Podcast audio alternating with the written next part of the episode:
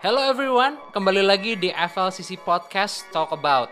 Masih bersama gua, Davin dan Gua Johes. Nah, hari ini kita akan membahas lanjutan dari episode sebelumnya, yaitu berarti masih tentang mental health.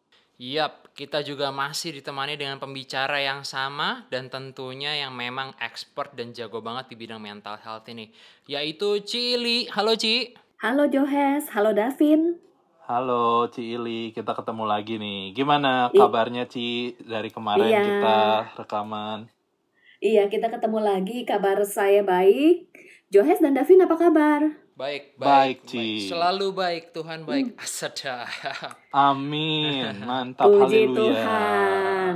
Oke, kita summarize sedikit eh, terkait podcast yang sebelumnya nih. Buat teman-teman mungkin kita encourage banget pastinya buat dengerin episode sebelumnya. Tapi ini kita sedikit summarize saja. Yang pertama di episode kemarin itu kita jadi tahu bahwa mental health issue bisa terjadi pada siapa pun dan di usia berapapun. Yang kedua, mental health issue tidak terjadi secara tiba-tiba. Jadi ada prosesnya dulu.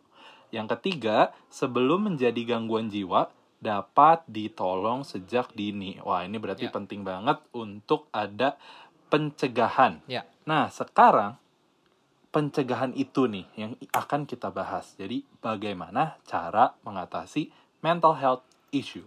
Benar banget. Nah, sebelum masuk ke cara mengatasinya, kita flashback dikit lagi ke yang episode kemarin. Kita kemarin sempat bahas bahwa pengalaman masa kecil dan latar belakang keluarga tuh sangat bisa mempengaruhi kesehatan mental seseorang.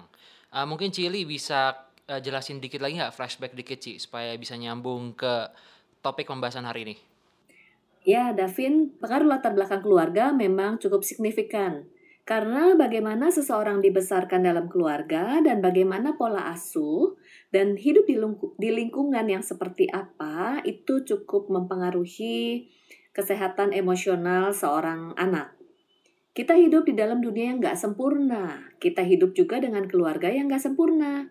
Karena tidak sempurna, maka ada kesalahan, ada konflik, sehingga sebagai seorang anak, eh, sangat mungkin kita mengalami luka-luka emosional. Hmm, Dan karena kita seorang anak, kita nggak tahu bagaimana memproses emosi, tidak pernah diajarkan, tidak ada rekonsiliasi dalam keluarga, sehingga anak tersebut tumbuh menjadi anak yang penuh dengan luka emosional. hmm, Lalu Hmm. ditambah dengan pengalaman-pengalaman negatif dan masalah yang dihadapi di lingkungan. Di situlah dia terus-menerus hidup dalam kesedihan, kemarahan, mungkin ketakutan juga, dan semakin lama semakin menumpuk, lalu muncullah dalam perilaku sehari-hari. Hmm, oke. hmm. Nah, misalnya nih, Ci, setelah kita dengerin episode 1 kemarin, kita merasa kalau, eh, kayaknya gua nih gitu yang punya mental health issue ini. Nah, apa sih hal yang kita bisa lakukan terhadap hal tersebut? Oke, Johes. Jadi yang penting itu kita memahami bahwa ada empat aspek dalam hidup kita, yaitu aspek pertama spiritual, bagaimana kita mempercayai Tuhan, memiliki harapan, dan menerima hal-hal yang menjadi bagian Tuhan dan bagian diri kita masing-masing. Yang kedua, aspek mental, yaitu mencakup emosi, pikiran, dan keinginan. Jadi kita perlu aware, sadar diri. Bagaimana kita mengelola emosi, memandang diri kita, bagaimana pola pikir kita, dan bagaimana mengatasi tekanan dan problem. Ya. Lalu aspek ketiga yaitu aspek sosial. Bagaimana kita berperilaku, bagaimana kita berrelasi sosial dengan orang lain, dan bagaimana kita memandang orang lain dan berkomunitas serta memberi kontribusi sehingga kehidupan kita bisa juga menjadi produktif. Ya. Lalu Hmm. aspek biologis. Kesehatan fisik itu perlu diperhatikan juga, rutinitas, makan, tidur, istirahat, kegiatan normal, jadi balance ya. Ya, ya. Hmm, Apabila kita mengalami gangguan mental, kita kan lihat dari sisi kebalikan dari ciri-ciri tersebut yang sehat. Jadi Oh, porsinya tidak pas. Hmm. Dengan indikator kita lihat dari intensitasnya. Misalnya intensitas secara mentalnya, bagaimana intensitas emosinya, kesedihannya, persistennya, dan apakah destruktif, mempengaruhi rutinitas hidup, sehingga untuk menolong mereka adalah supaya empat hal tadi, empat aspek tadi bisa mendekati normal dalam hidupnya. Apa yang akan kita Hmm. lakukan juga untuk menolong diri kita sendiri? Kita juga cek and recheck dari keempat aspek tersebut. Spiritual. Belajarlah menerima hal-hal yang nggak bisa dikontrol, yang tidak bisa, yang belajarlah menerima hal-hal yang tidak bisa dikontrol, menyerahkan diri kepada Tuhan dan mendekat kepada Dia itu penting. Hmm. Lalu secara mental, kenalilah emosi kita, pahami, lalu memproses emosi, jangan diabaikan. Secara persepsi pikiran, pola pikir, kita juga memperbaiki cara pandang kita, baik terhadap Tuhan, terhadap diri kita sendiri, lalu juga terhadap dunia dan kehidupan. Secara sosial ini juga penting banget bahwa kita jangan pernah sendiri.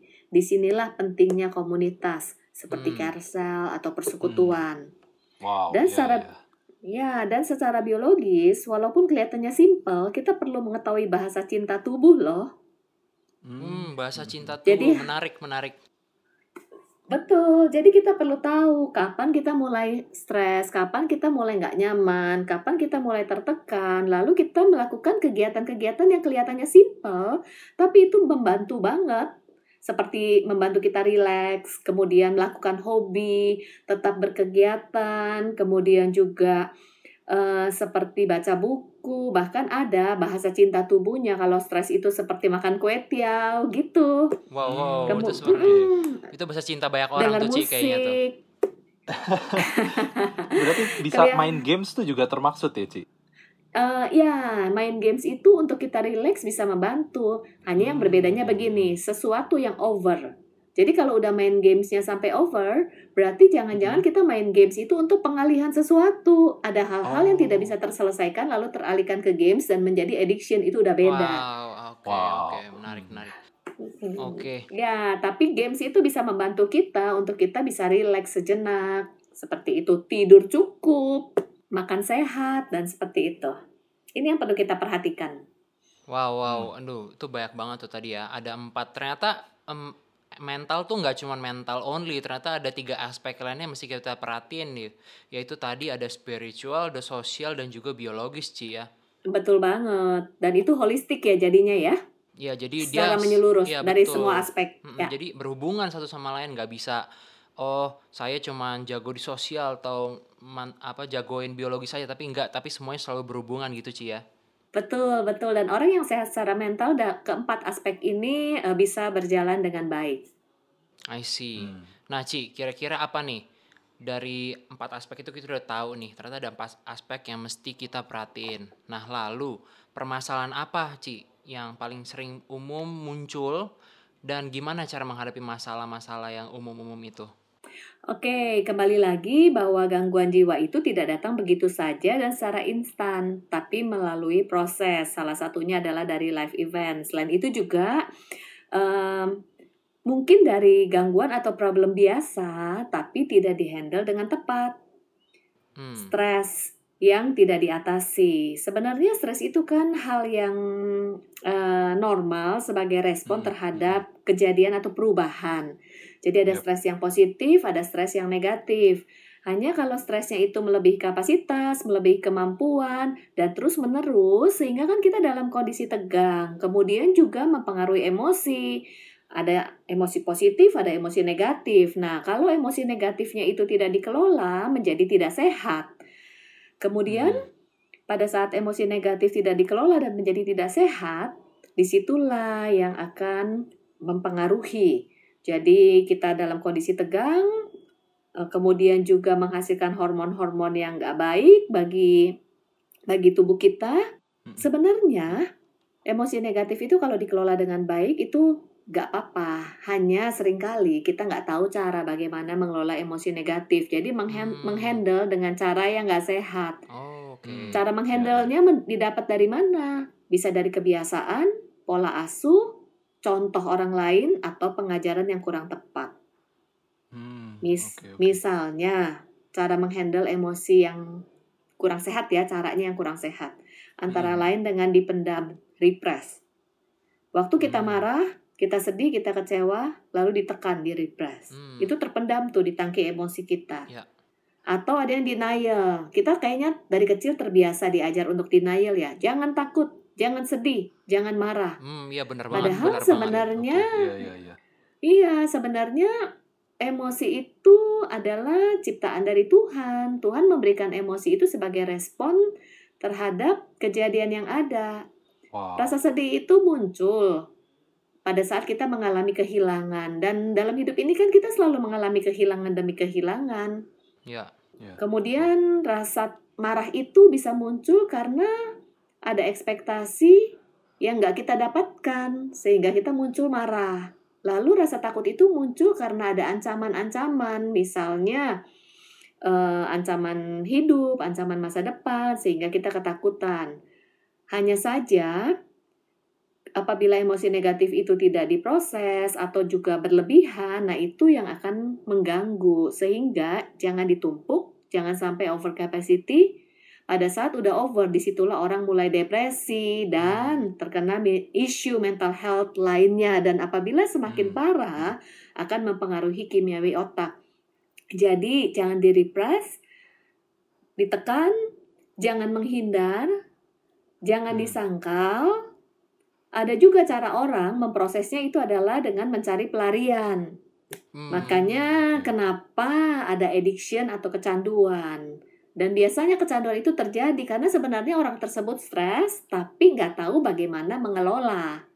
Hmm. Ya Hmm, mungkin oke. waktu misalnya kecanduan games, kecanduan pornografi, kecanduan eh, obat-obatan dan lain sebagainya, waktu melakukan hal itu kelihatannya rileks sementara, tapi waktu nggak melakukan lagi kembali lagi, stres, sedih, kemudian ada kemarahan yang menumpuk, nggak nyaman, lalu mencari jalan keluarnya gimana? Mencari hal tersebut lagi, jadi berulang-ulang. Padahal sebenarnya setiap emosi negatif itu sangat perlu untuk diproses. Hmm. Hmm, Oke, oke. Wow, ini keren banget. Karena berarti bukan masalah emosi negatif itu sendiri, tetapi lebih kepada kita gimana memproses emosi negatif yang ada. Wow, keren betul banget. banget, betul Hmm, banget. hmm, Karena emosi itu benar-benar mm, dikasih sama Tuhan. Kita itu Yes, perlu rasa yes. takut. Untuk apa? Misalnya kita nyebrang jalan kan kita perlu waspada. Hmm, ya betul. Kita itu perlu rasa takut misalnya untuk menghadapi tantangan yang baru. Atau misalnya waktu ujian takut nggak lulus. Lalu kita belajar Hmm. karena takut nggak lulus. Kalau kita nggak takut, kita nggak belajar cuek banget. Kalau kita nggak takut nyebrang, kita nyebrang ngaco dong Oh gitu. iya Iya, betul betul. iya. I see. Iya, Mm-mm. betul betul betul. Betul. Dan emosi negatif itu nggak jelek, hanya ad- kalau misalnya emosi negatif tidak diproses itu menjadi tidak sehat. Hmm, Hmm. oke. Jadi Wow, emo- emosi keren negatif tuh bisa bisa juga disebut yang bikin kita jadi manusia gitu Cia. Kita nggak jadi robot yang nggak punya emosi negatif sama sekali gitu kali ya. Betul, Tuhan memberikan kita tuh emosi tuh macem-macem dan kaya banget, baik emosi positif ataupun emosi negatif. Dan kita sebagai seorang manusia pasti punya perasaan, punya emosi. Kalau sampai kita nggak bisa merasa, jangan-jangan kita udah mati rasa. Wow wow, oh, Hmm. oh, bahaya. Oke. Oke, oke. Kalau gitu nih, Ci. Pertanyaan Ya, selanjutnya. Kan tadi kita udah tahu, oke berarti emosi negatif itu nggak apa-apa, tapi yang penting itu cara mengelolanya. Kalau gitu Betul. berarti gimana, Ci, cara mengelola emosi dengan benar? ya, betul banget. Emosi itu perlu dikelola dengan baik. Em, ada tiga hal ya, tiga gitu. Hmm, Yang pertama adalah aware. Aware itu kan sadar diri. Apabila kita mulai nggak nyaman, nggak nyaman itu misalnya kita mulai uh, ada perasaan entah sedih, entah kecewa, entah marah, entah takut, ini jangan diabaikan, lalu jangan ditekan juga. Tapi mulailah aware itu adalah mulailah kita mengidentifikasi. Kenalilah emosi apa yang ada di hati kita. Sedih, marah, takut. Lalu di balik sedih, marah, atau takut itu ada perasaan apa lagi? Kecewa kah? Khawatir, cemas, merasa tidak dihargai, kemudian atau merasa diremehkan, atau merasa diancam. Hmm, Kenali. hmm, Untuk kita lebih memahami diri kita juga, kenali perasaannya, kasih label nih, kasih kasih nama, sedih, marah, kecewa, takut, cemas, oke. Lalu setelah itu, di balik perasaan-perasaan tersebut, apa penyebabnya? Perlu kita ketahui juga. Misalnya saya marah karena tadi papa bilang kalimat tersebut. Oke, lalu saya kecewa karena tadi saya dicuekin nih sama Johes. Misalnya. Jadi Waduh, kita waduh. mulai semakin memahami diri kita ya, understanding. Memiliki understanding apa penyebabnya. Nah, setelah kita memahami, yang kedua adalah accept. Menerima, menerima emosi dan mengakui dengan jujur. Itu perlu banget mengakui jujur dengan diri sendiri.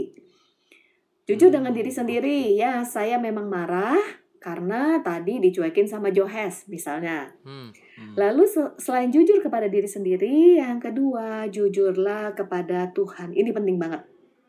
Seperti Oh, Daud Oke. di kitab Mazmur, Daud menuliskan betapa banyaknya Daud mengekspresikan emosinya di hadapan Tuhan. Bahkan kalau kita lihat 70% isi kitab Daud itu Daud mengekspresikan emosi negatifnya loh kepada Hmm, Tuhan, curhat ya. menceritakan yes, curhat. Dan itu Hmm. penting banget. Dengan kita curhat, jujur pada diri sendiri dan curhat kepada Tuhan, itu sebenarnya kita sedang memproses emosi negatif supaya tidak menumpuk di hati kita. Ya. Sehingga pada saat kita datang sama Tuhan, jangan cuma isinya permohonan, permintaan. Hmm, ya, ya, Memang ya. kita makanya datang kepada Tuhan itu komplit lah satu paket. Permohonan, permintaan oke, ucapan syukur oke, tapi jangan lupa kita mencurahkan isi hati kita, mengekspresikan semua emosi kita itu sangat menolong banget. Dan kita lihat jurnalnya Daud benar-benar berisi banyak ekspresi emosi. Juga ada Hmm, kitab ratapan ya, ya. kitab ratapan Ya, itu ya. berisi ekspresi emosi negatif ya. Lalu selain jujur Wow. kepada Tuhan, kita juga bisa jujur dengan da- dengan menulis jurnal. Menulis jurnal ini adalah terapi yang sangat efektif untuk memproses emosi. Jadi isinya benar-benar mengeluarkan bagaimana perasaan kita, bagaimana kekesalan kita, kesedihan, kemarahan. Izinkan kita memproses itu juga di dalam tulisan. Nah, apabila kita membutuhkan bantuan, alangkah baiknya kita juga bisa bercerita kepada safe person. Orang yang bisa dipercaya, bisa mendengarkan dengan empati, menerima, memahami perasaan kita tanpa menghakimi, tanpa menggurui, tanpa cepat-cepat memberi nasihat dan juga tidak ember atau membocorkan Hmm, rahasia. Wow. Ember. Penting Ya. ya. Penting nih ember-ember ini nih. Iya, dan sering kali, sering kali loh, secara eh, kalau saya mau sharing, walaupun saya sudah berdoa, menulis, dan ada kalanya saya membutuhkan orang lain. Makanya di situ tepat sekali Yakobus 5 ayat 16, the power of others. Tuhan menciptakan manusia untuk berelasi dan memiliki relasi yang saling menyembuhkan. Pertanyaannya, apakah kita sudah menjadi safe person buat orang-orang lain? Hmm. Dan apakah kita juga memiliki support system yang berisi safe person? Apakah komunitas kita juga sudah menjadi support system yang aman? Karena itu benar banget. Support system itu sangat membantu sehingga kita sehat secara mental. Wow. Ya, ya, ya. Yang ketiga adalah action. Apa yang perlu dilakukan? Apabila kita memiliki luka karena peristiwa-peristiwa yang ada, luka kepada siapa pun juga, kita perlu mengampuni, melepaskan pengampunan. Hmm. Setelah kita mengampuni, baru kita mulai bertindak untuk move on. Dan Wah, jangan ini diam di tempat terus Move ya. on. Yes, Anak muda amen banget nih. that. Move on. Anak muda banget move on. Mulailah dari apa yang bisa dilakukan. Kenapa orang sulit untuk move on? Padahal kepengen. Ya. Kenapa? Seringkali karena emosinya belum diproses. Kalau emosi belum diproses, itu nggak tenang dan nggak bisa berpikir jernih. Setelah memproses emosi, pikiran lebih jernih, barulah dia mulai bisa memikirkan hal-hal dan langkah-langkah yang bisa dilakukan dan baru mulai melakukan sesuatu. Seperti itu.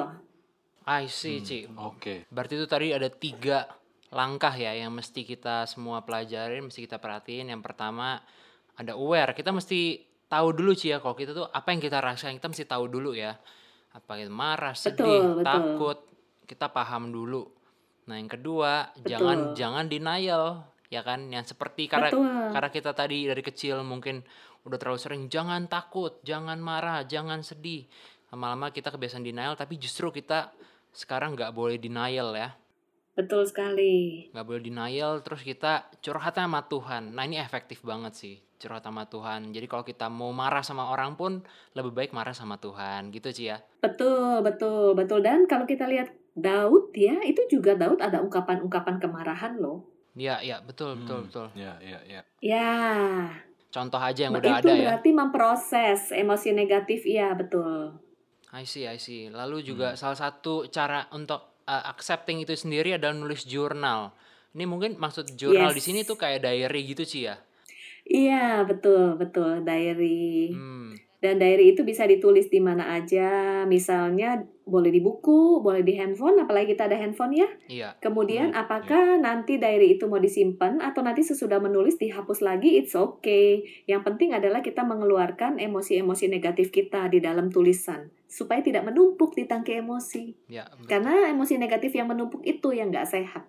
Sekali lagi saya garis bawahi kalau sudah over capacity, di situlah yang sudah mulai mengganggu dan eh, bisa mengganggu lebih serius lagi. Ya, ya, Hmm. ya. Intinya kalau teman-teman mungkin mengalami dan belum pernah mencoba cara-cara yang tadi disebutin, mungkin ini saat yang tepat untuk teman-teman coba. Mungkin ke sana nulis diary, idu. Yes, betul. Terutama cowok-cowok mungkin ya. Kan kayaknya diary itu cewek cewek banget gitu kayaknya ya. Dear diary gitu kan. Tapi mungkin ya mungkin nggak harus selucu itu atau sesweet itu, tapi mungkin bisa dilakuin sebagai ya bagian dari cara kita untuk melepaskan kita dari penyakit mental kita itu. Begitu kali sih ya. Ya, ya menolong kita untuk kita tuh preventif ya. Iya. Yaitu menum- Ya, menumpahkan betul. perasaan kita gitu ya. Nah, lalu Iya, lebih tepatnya menumpahkan perasaan Ya, betul. mm. Lalu kalau udah tadi uh, dari aware, accepting dan terakhir jangan lupa dilakukan, yaitu dengan action setelah semuanya clear. Nah, itu sangat praktis banget menurut gue sendiri bisa kita lakuin saat ini juga. Nah, terus aku mau nanya Yes. lebih lanjut nih, Ci. Kalau misal yang punya masalah mental itu adalah teman atau saudara kita, langkah apa yang mesti kita lakukan selain yang tadi? Tadi kan Cici juga sempat bilang kita harus menjadi safe person untuk orang lain. Betul, betul. Itu penting sekali sih dan itu kelihatannya sederhana tapi itu powerful banget. Ya, mereka itu butuh mengetahui bahwa mereka itu tidak sendirian. Kita perlu Hmm. menunjukkan bahwa kita peduli akan mereka. Ada magic word yang bisa kita katakan kepada mereka yaitu I am concerned atau saya peduli. Hmm, magic word. Nah. Wow. Ya, hanya belum tentu mereka mau bercerita. Kalau misalnya mereka belum mau bercerita, it's okay. Minimal mereka tahu bahwa ada yang peduli. Kita Yes. bisa bilang gini sama mereka, kalau kamu belum bisa cerita, it's okay. Tapi kapan kamu butuh cerita, saya ada untuk kamu karena saya Wow, peduli. Wow, yang penting kita terbuka dulu Wow, sih ya. Keren, keren. Ya, yang kedua, kalau tadi kita melihat betapa pentingnya memproses emosi, jadi kita bisa menolong mereka untuk memproses emosi dengan menjadi safe person. Pada saat mereka bercerita, jadilah pendengar yang baik bagi mereka. Jangan Hmm. cepat-cepat komentar, jangan cepat-cepat menghakimi, jangan cepat-cepat memberi nasihat. Mereka itu butuh didengarkan, mereka sangat butuh dipahami, dan mereka sangat butuh em, me- apa ya menyadari bahwa mereka itu nggak sendirian. Hmm. Jadilah safe person itu udah sangat membantu banget. Dan ini berlaku untuk eh, cewek maupun cowok sih ya. Kadang kan eh, cewek mau didengerin. Ada yang bilang kayak gitu. Cewek tuh nggak butuh solusi. Cewek tuh butuh didengerin. Tapi kalau cowok itu applies the same thing sama juga atau enggak sih? Prinsipnya adalah baik cewek maupun cowok, dua-duanya sama-sama butuh memproses emosi. Hmm. Poinnya di Hmm. situ. Ya, Dan untuk bisa memproses emosi itu perlu ada space, ruang untuk mereka bisa bercerita dan ada yang mendengarkan. Nah, relasi waktu bercerita dan ada yang mendengarkan dengan empati, relasi itu benar-benar menyembuhkan banget Ya. dan itu Hmm. menolong banget. Simple but powerful ya.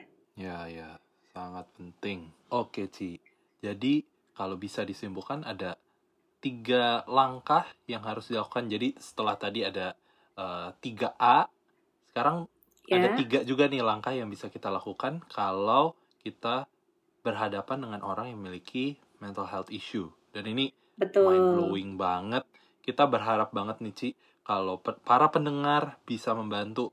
Mungkin kalau ada teman, saudara atau siapa pun itu mungkin nanti em, mentinya tanpa harus salah langkah atau memperburuk situasi. Jadi udah benar-benar tahu bahwa yang pertama menunjukkan oke okay, saya peduli, I am concerned. Yang kedua um, ketika melihat kita bisa menolong dengan menjadi safe person, mendengar yang baik dan yang ketiga jangan bocorin. Wah itu penting banget. Dan ini sangat bagus Thank you banget Ci. Nah, sama seperti minggu lalu, kita juga membahas hal ini dari segi firman Tuhan. Nah, yes. afdol kan kalau nggak bahas dari firman Tuhannya. Nah, jadi uh, kita harus berpikir seperti Kristus. Kan itu sering banget ya diulang-ulang. Ya, bahkan uh, apa Alkitab bilang kita harus semakin menjadi serupa dengan Yesus gitu. Yes. Nah, apakah dengan uh, pernyataan seperti itu dengan kita menjadi seperti Yesus berpikir seperti Kristus itu juga bisa menjauh kita dari masalah mental ini, Ci. Betul banget, Johes. Saya setuju. Di Roma 12 ayat 2 menuliskan, Janganlah kamu menjadi serupa dengan dunia ini, tetapi berubahlah oleh pembaharuan budimu, sehingga kamu dapat membedakan mana kehendak Allah, apa yang baik, yang berkenan kepada Allah, dan yang sempurna. Jadi cara berpikir kita itu penting sekali. Karena bagaimana kita berpikir akan mempengaruhi emosi kita. Jika kita ada thinking error, maka emosi kita menjadi negatif. Pada saat emosi menjadi negatif, akan hmm. mempengaruhi perilaku dan keputusan kita. Sebagai contoh nih, saya di mall hmm. ketemu Davin. Wow, okay. Dari jauh saya sudah melambai-lambai nih. Dari jauh saya udah lambai-lambai nih ke Davin. Tapi ya. kemudian Davin lewat gitu aja. Kira-kira hmm, perasaan saya seperti apa? Memang Davin. Sering sering terjadi in real life itu. Bisa kecewa, bisa marah. Kenapa saya kecewa dan marah? Karena saya hmm, berpikir hmm. Davin cuekin saya. Davin cuekin saya. Oh, hmm. Davin gak menghargai saya. Padahal apa betul Davin cuekin saya dan tidak menghargai saya? Bisa jadi hmm, ya, Davin ya, lagi buru-buru. Ya. Bisa ya, jadi ya. Davin lagi cari orang lain tersesat. Oh, tersesat di mall. Jadi, ya betul. Jadi, kalau saya kecewa, marah, itu karena Davin atau karena cara berpikir saya terhadap kejadian tersebut. Nah, ini penting banget. Iya. Ya, jadi kejadian itu bisa positif, bisa netral, bisa negatif, tapi kalau kita uh, memandang dari persepsi yang beda itu akan membantu banget. Ya, ya. Sehingga kalau saya bisa memahami bahwa oh Davin mungkin lagi sibuk, Davin mungkin uh, pakai soft lens, soft lensnya lagi dicopot gitu, jadi nggak bisa lihat saya. Iya iya iya. Hmm. Akhirnya saya bisa memahami dan jadi saya nggak mudah kecewa dan mudah nggak mudah marah. Iya. Sehingga penting hmm. banget kita punya pola pikir yang positif. Jadi thinking error itu misalnya yang paling bisa membuat mengganggu kita lah ya, antara lain suka berasumsi. Ya. Hmm. Kemudian itu hmm, terlalu cepat mengambil kesimpulan. Hmm. Wow. Ya, ya. Ya, ya. Misalnya seseorang terlambat balas WhatsApp, kemudian kita berpikir ada apa ya? Jangan-jangan dia marah sama saya? Wow, wow. Oke, okay, hmm. oke. Okay. Atau kita lihat orang bisik-bisik, ya kita lihat orang bisik-bisik wah jangan-jangan dia ngomongin gua tuh waduh GR banget astaga hmm. oke Ya, itu kan asumsi, kemudian ya, ya, ya. cepat mengambil kesimpulan, mind reading juga. Nah, ini yang sering dibilang netting ya. Netting. Hmm, ya, ya, netting. Hmm. Ya, kemudian juga shoot statement seperti harusnya kan orang tua seperti ini, harusnya kan temen perilakunya begini, hmm. harusnya kan hmm. pemimpin gereja seperti A. Ya. Nah, orang yang banyak harusnya di dalam hidupnya, dia itu cenderung banyak stresnya. Kenapa? Karena dia yang membuat standar, lalu dia menuntut orang lain sesuai dengan standarnya, giliran orang lain nggak bisa, dia juga yang marah sendiri. Ah, itu bisa jadi indikator hmm. juga wow. tuh, Ci ya bisa jadi indikator tuh. Betul banget. Betul. Jadi dalam hidup ini kita nggak bisa menuntut orang lain menjadi yang seperti kita inginkan. Dan waktu kita wow. terlalu tinggi ekspektasi dan kita tidak punya kemampuan untuk menyesuaikan. Sebenarnya manusia punya kemampuan menyesuaikan, hanya tidak dilatih. Ya. Terlalu tinggi ekspektasi dan menuntut. Nah, di situlah mulailah stres dan kita bisa depresi. I Jadi see. kembali lagi, terimalah hal-hal yang tidak bisa kita kontrol, tapi lakukan hal-hal yang bisa kita lakukan. Itu penting banget. Yes. Yes. Kamu jadi berpikirlah sesuai Filipi 4 ayat 8. Jadi akhirnya saudara-saudara, semua yang benar, semua yang mulia, semua yang adil, semua yang suci, semua yang manis, semua yang sedap didengar, semua yang disebut kebajikan dan patut dipuji, pikirkanlah semua itu. Karena pikiran kita mempengaruhi emosi kita. Dan emosi kita Yes. mempengaruhi Wow. perilaku kita dan keputusan kita. Wow. Wow, keren banget. Ini ini penjelasan keren banget sih. Berarti uh, ya ini juga kenapa secara pribadi ya saya suka banget dengan Alkitab karena kayaknya lengkap dan setiap kali mengupas Alkitab nggak ada habis-habisnya hikmat yang ada di dalam Alkitab nih. Wow, keren banget. Thank you banget si Ili buat menjelaskan ini. Kita yakin banget ini akan sangat menolong anak muda ya kan terutama misalnya lagi pacaran pacarnya nggak bales 10 menit Wow. itu mungkin bukan selingkuh tapi main Mobile Legend belum kelar gitu kan mungkin gitu kan Banyak iya ini ini akan sangat menolong banyak terjadi sepertinya di kalangan anak muda nih. iya atau ceweknya nggak balas 10 menit ya bisa jadi lagi bantuin keluarganya bukannya lagi chat sama cowok lain Oh. wah ini ini akan sangat menolong ini. Betul, betul, betul. Mungkin yang nyetir ngeliat orang yang ngebut-ngebut gitu ya. Orang yang ngebut-ngebut Iya, mungkin betul. mungkin dia lagi istrinya lagi mau mau ham- apa mau melahirkan, Melahirkan, misalkan gitu kan. iya. Atau dia kebelet mau ke WC udah kebelet banget udah nggak sanggup Betul. nahan lagi. Kayak gitu. Jadi pikiran banget. positif-positif aja. Iya, Betul, Filipi betul. 4 ayat 8. Wow, Yes. ingat Filipi 4 ayat 8. Thank you banget buat penjelasannya, Ci. Berarti salah satu caranya tadi melalui pola pikir dan ini dijabarin juga di Alkitab.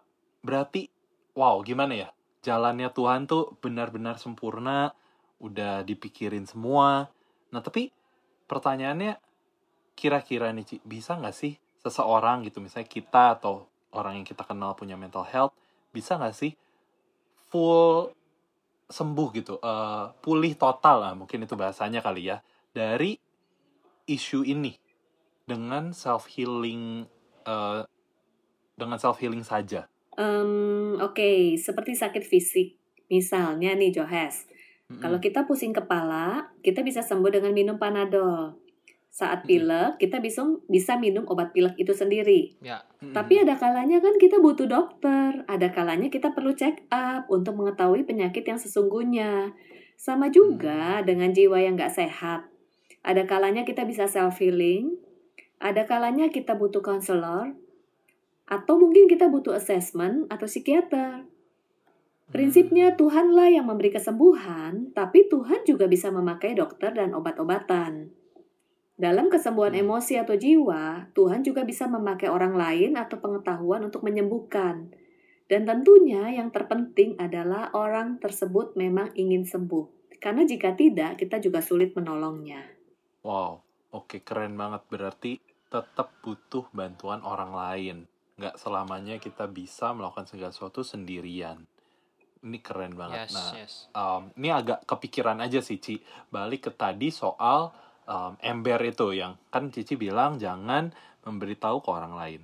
Nah, tapi dengan melihat seperti ini, um, gimana ya? Bisa nggak sih ada mungkin keadaan di mana kita menginformasikan, memberitahu ke seseorang lainnya bahwa keluarga atau teman kita memiliki masalah mental. Boleh nggak sih, Ci, itu? Oke, sebagai safe person, kita memang harus menyimpan rahasia, tapi ada pengecualian, Hmm, yaitu oke. jika ada yang membahayakan jiwa. Ah. Misalnya, seperti indikasi mau bunuh diri atau mencelakai orang lain. Oke. Nah, Hmm. tindakan bunuh diri ini perlu diwaspadai dan ditolong.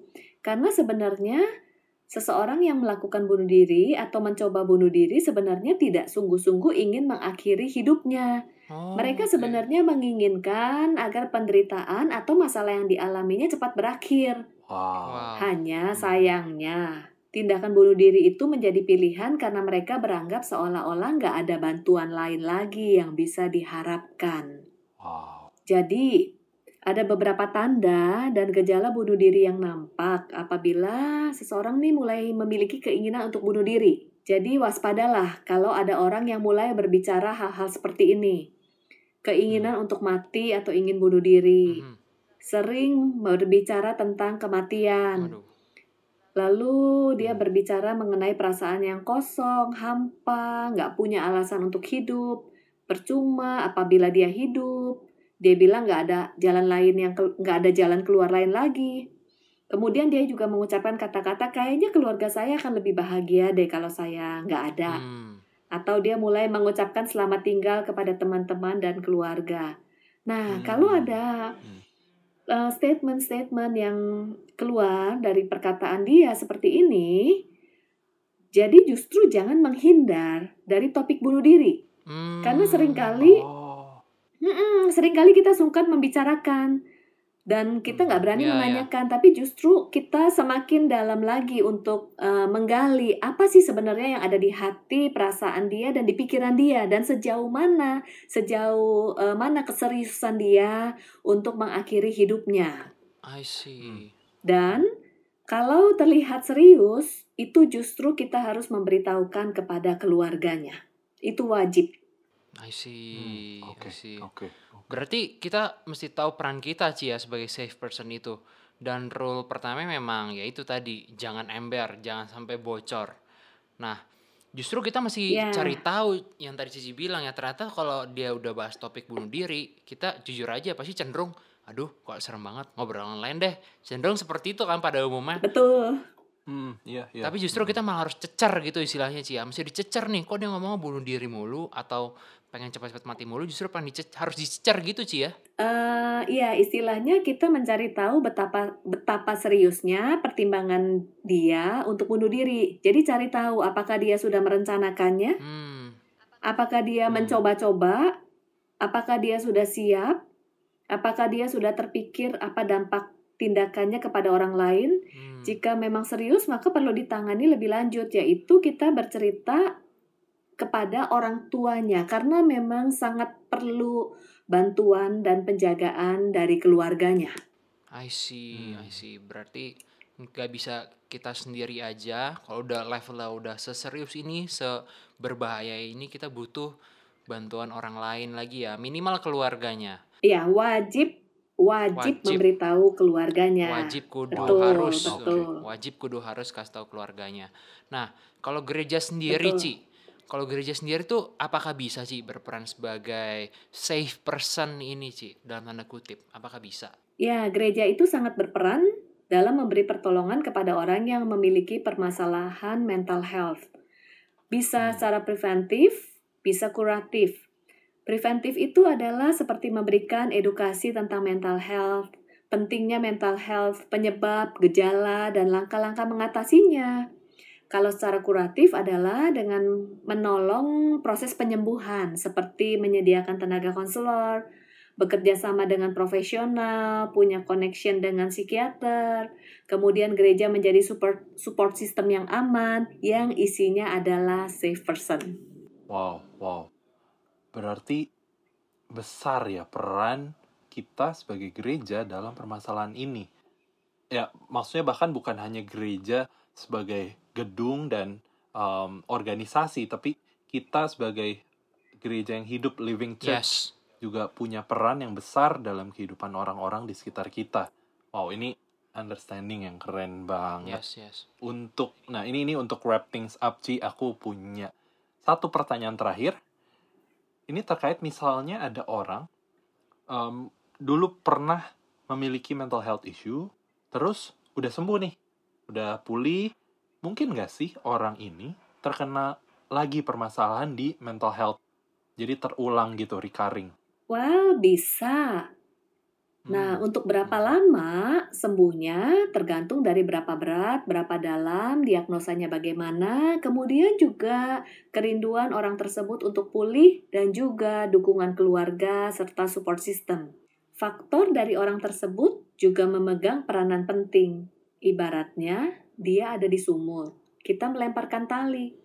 Tapi apakah dia akan mengambil tali tersebut dan naik ke atas, itu adalah keputusan dia. Lalu, pertanyaan berikutnya, jika sudah sembuh, apakah bisa sakit lagi? Bisa, Hmm. karena kita nggak tahu apa yang ada di depan kita. Kita tidak tahu permasalahan yang akan kita hadapi, seberapa sedih, seberapa berat. Tapi, jika kita memiliki spiritual yang baik, memiliki skill mengelola diri, punya support system yang baik, ini akan sangat menguatkan kita untuk melewati masalah-masalah yang dihadapi dan yang akan dihadapi nanti. Hmm. Wow, Ci, ini dari tadi kita benar-benar nggak bisa stop bilang thank you buat penjelasannya karena sangat detail dan sangat praktikal, sangat bisa dilakukan, nggak perlu oh Yes, saya harus nggak harus bertapa dulu atau baca buku dulu, tapi ini benar bisa langsung dipraktekin. So kalau aku boleh Yes. boleh ambil kesimpulan dari pembicaraan kita hari ini, jadi cara mengatasi mental health issue ini ada banyak caranya ya. Tadi ada 3A, ada apa-apa and so on gitu ya, ada banyak. Tapi yang terpenting, yang terpenting dari semuanya itu adalah itu semua percuma kalau kita sendiri menutup diri ya. Intinya jangan sampai kita menutup diri kita dan justru kita harus mencari teman atau safe person di mana kita bisa cerita sama dia supaya kita bisa tuangin, kita bisa tumpahin perasaan kita. Salah satunya ke safe person itu. Begitupun dengan Betul. kita yang mau menolong teman atau keluarga yang punya masalah yang sama atau masalah berbeda dengan kita yang intinya permasalahan tentang mental health, kita justru hati-hati. Kita harus jadi orang safe person tadi dan juga jangan sampai kita bukannya membantu malah justru bikin makin ruwet keadaannya gitu ya Ci ya. Betul banget, Davin. Wow, oke. Kesimpulan tadi itu juga sekaligus closing dari podcast episode kedua di series mental health ini. Series mengenai mental health ini masih akan lanjut nih. Nah, kali ini akan ada sesuatu yang menarik banget karena kita akan buka Q&A. Wow. Ini menarik banget. Q&A gimana caranya? Melalui Instagram Frontliner Campus, at Frontliner Campus. Jangan lupa di follow. Untuk teman-teman yang mau bertanya seputar episode 1 dan episode 2, bisa banget langsung DM aja. Jadi gampang tinggal DM, atau kalau kalian sudah tergabung dalam mentoring group di FLCC, bisa langsung juga eh, submit pertanyaannya melalui mentor untuk bertanya. Yes, Nah, yes. bagi kalian yang mungkin bertanya, oh FLCC ada mentoring, gimana kalau uh, mau join? Itu juga gampang banget, bisa melalui Instagramnya di DM. Kita akan dengan senang hati melayani kalian semua.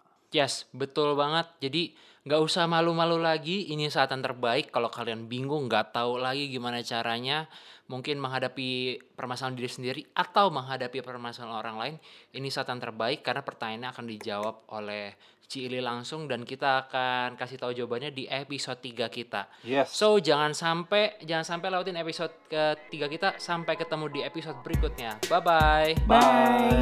Bye.